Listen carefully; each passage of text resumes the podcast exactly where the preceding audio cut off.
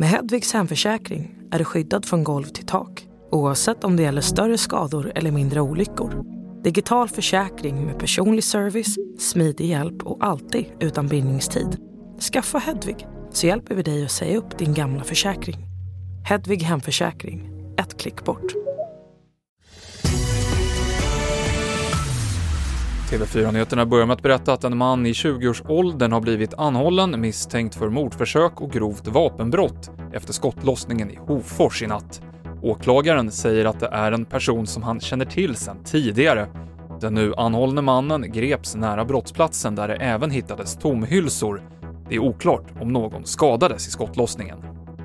I Århus i Danmark så blir det krav på munskydd från och med idag och tre veckor framöver när man reser med kollektivtrafiken och det gäller även på hållplatserna.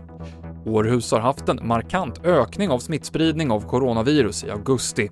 I Köpenhamn så uppmanas personer som reser under rusningstimmarna i kollektivtrafiken att använda munskydd. Och resenärerna på Arlanda, Landvetter och Swedavias andra flygplatser minskade med 87% i juli jämfört med förra året och det handlar om närmare en halv miljon färre passagerare.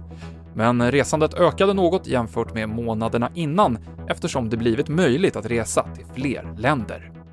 TV4-nyheterna med Mikael Klintevall.